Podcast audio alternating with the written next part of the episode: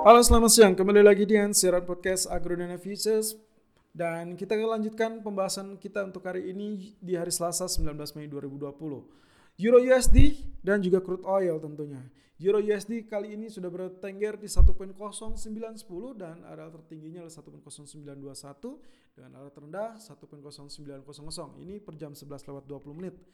Dan lagi-lagi range yang sangat-sangat tipis teman-teman ya setiap jam uh, siang atau sesi Asia memasuki atau menjelang perubahan ke sesi Eropa di siang hari nanti di jam 1 ini masih masih berada di kisaran-kisaran range yang cukup sempit 20 poin saja. Ini hampir mirip dengan kejadian kemarin dan sangat mengesalkan teman-teman. Saya terjebak sedikit terjebak dengan pola candlenya. Walaupun sebenarnya tidak terlalu terjebak karena kemarin saya sempat bilang kita akan menantikan adalah 1.0880 ataupun 1.0890 untuk melakukan sell dengan catatan itu adalah berdasarkan outlook yaitu symmetrical triangle. Area resistennya di area-area tersebut ya. Ternyata kalau kalau kita teliti lagi area resistennya itu adalah di area ini masih masih area-area resisten dari dari triangle teman-teman. Jadi belum terlampau jauh dari area triangle kita. Harap berhati-hati. Saya rasa kalaupun bullish dia tidak akan terlampau agresif untuk kali ini. Karena kemarin faktor dorongan yang paling besar itu akibat pembicaraan atau diskusi dari Jerman dan juga uh, Prancis. Mereka mengatakan akan mengadakan kerjasama ya jadi ada proposal Franco-Jerman. Ya, Franco-Jerman ini kerjasama antara Prancis dan Jerman, di mana uh, proposal ini akan nantinya digunakan untuk pemulihan atau recovery plan untuk zona Eropa, terutama ya tentunya ini terhadap uh, antisipasi pandemi global wabah virus corona. Jadi uh, dari dari proposal ini ini saya tidak tahu ya apakah ini menjadi tandingan dari apa yang dilakukan ECB atau tidak. Tapi yang jelas ECB Bank Moneter, sementara yang melakukan Franco Jerman ini lebih pada kerjasama uh, tingkat negara. Jadi kemungkinan ini kedua pemerintahan yang akan melakukan kerjasama dikoordinir seperti itu dan itu berdampak cukup positif ternyata, cukup memberikan harapan kepada Euro USD. Ini saya rasa dampaknya hampir mirip dengan keadaan stimulus. Jadi ada perbedaannya adalah kalau misalkan QE ataupun uh, paket kebijakan moneter yang dilakukan ECB itu adalah lebih kepada uh, pinjaman, sementara dari proposal Franco Jerman ini ini lebih kepada sifatnya memberikan kesempatan bagi setiap negara anggota untuk mendapatkan hibah dari hasil ini. Saya rasa kalau misalkan hibah begini, kemungkinan ini lebih kepada pengumpulan dana ya. Jadi entah apakah semua negara anggota Eropa yang dilibatkan untuk pengumpulan dana ini atau hanya dua negara besar ini, Prancis dan Jerman. Kalau kedua negara ini bergabung, saya rasa sudah cukup fantastis untuk dana-dananya, apalagi di 27 negara yang lain tidak terlampau uh, uh, bombastis ya secara secara pendanaan. Jadi secara outlook ekonominya dua negara inilah yang yang menjadi uh, motor dari uh, zona Eropa atau Eurozone. Jadi saya rasa ini patut ditunggu dan mungkin akan akan menjadi faktor dominan untuk kali ini ya. Jadi kemungkinan untuk hari ini walaupun kita dalam fase symmetrical triangle bisa saja dia menembus areal resistennya, bisa saja ya. Saya tidak bilang bahwa ini tidak akan tembus, tapi bisa saja kalau misalkan misalkan lihat dari faktor fundamental.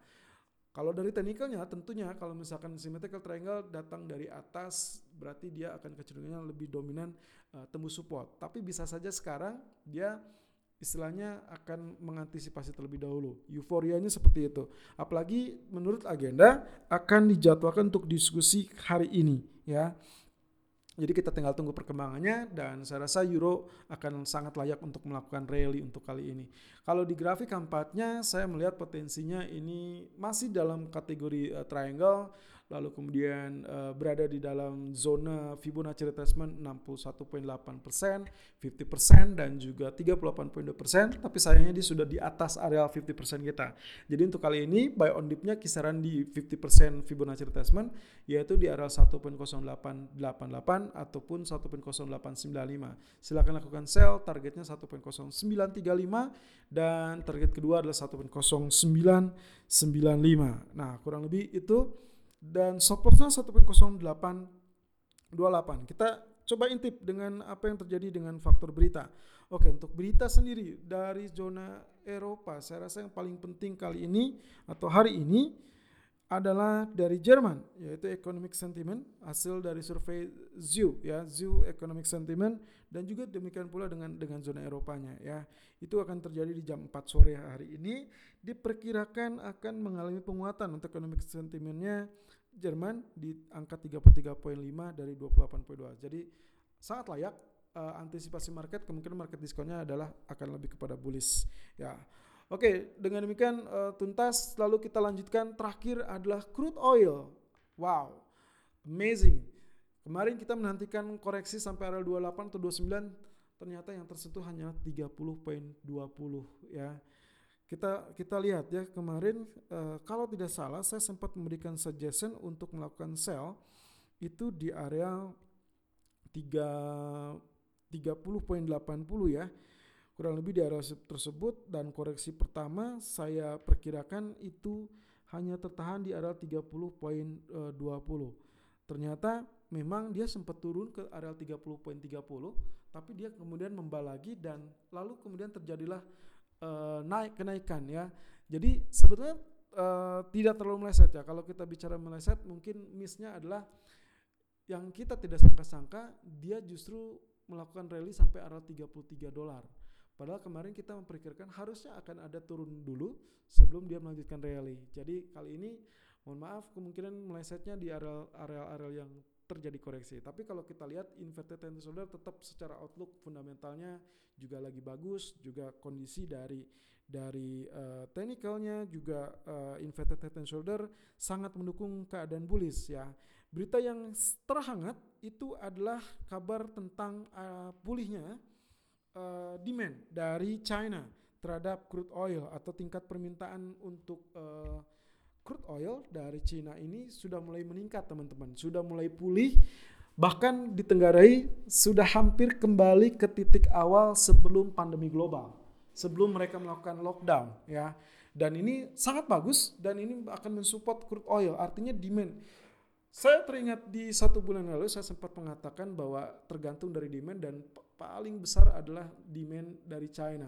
Jadi saat China sudah melakukan pemulihan terlebih dahulu, tinggal menantikan aktivitas ekonomi mereka menggenjot, terutama pabrik yang sudah mulai dibuka, artinya kemungkinan juga akan terjadi peluang bahwa tingkat permintaan akan dicapai. Nah, satu hal yang sangat positifnya di sini adalah tingkat permintaan itu rata-rata diakibatkan pengguna kendaraan oleh para komuter atau kita sebutnya dengan para pekerja yang ternyata melakukan aktivitas mereka menghindari transportasi publik dan mereka cenderung lebih lebih lebih menggunakan transportasi pribadi untuk menghindari kemungkinan pencegah uh, uh, lebih kepada pencegahan uh, wabah kembali ya. Jadi saya rasa ini lebih positif karena akhirnya demandnya meningkat itu yang yang akan yang yang sangat sangat uh, menjadi ciri khasnya.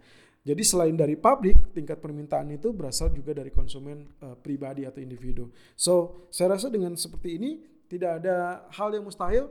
Uh, arealnya sampai saat ini areal terendah adalah 31.10 ya kalau anda lihat di channel YouTube kami saya sempat memberikan saran untuk melakukan buy on dip di area 1 poin uh, sorry di 31.45 ataupun 31.60 Memang idealnya dia area area untuk buy on dipnya itu di area 29.90 ataupun 30-an. Tapi kalau misalkan lihat ini Fibonacci retracement saya menunjukkan 23.6% itu di 31.10 ya dan tepat sekali berada di area tersebut untuk area low-nya dan sekarang sedang rebound ke area 31.90 uh, ya saya buy saya di satu di 31.45 ataupun 3160 targetnya target kedua eh, target pertama adalah 32.15 semoga tinggal sedikit lagi tercapai. Target kedua adalah 33.00 sedikit di bawah areal high kemarin dan stop lossnya di 30.85 oke demikian untuk ulasan market kali ini. Semoga berguna untuk anda dan selalu jaga kesehatan untuk anda dan orang-orang yang anda cintai. Selalu gunakan stop loss dan risk management sesuai dengan equity dan strategi trading anda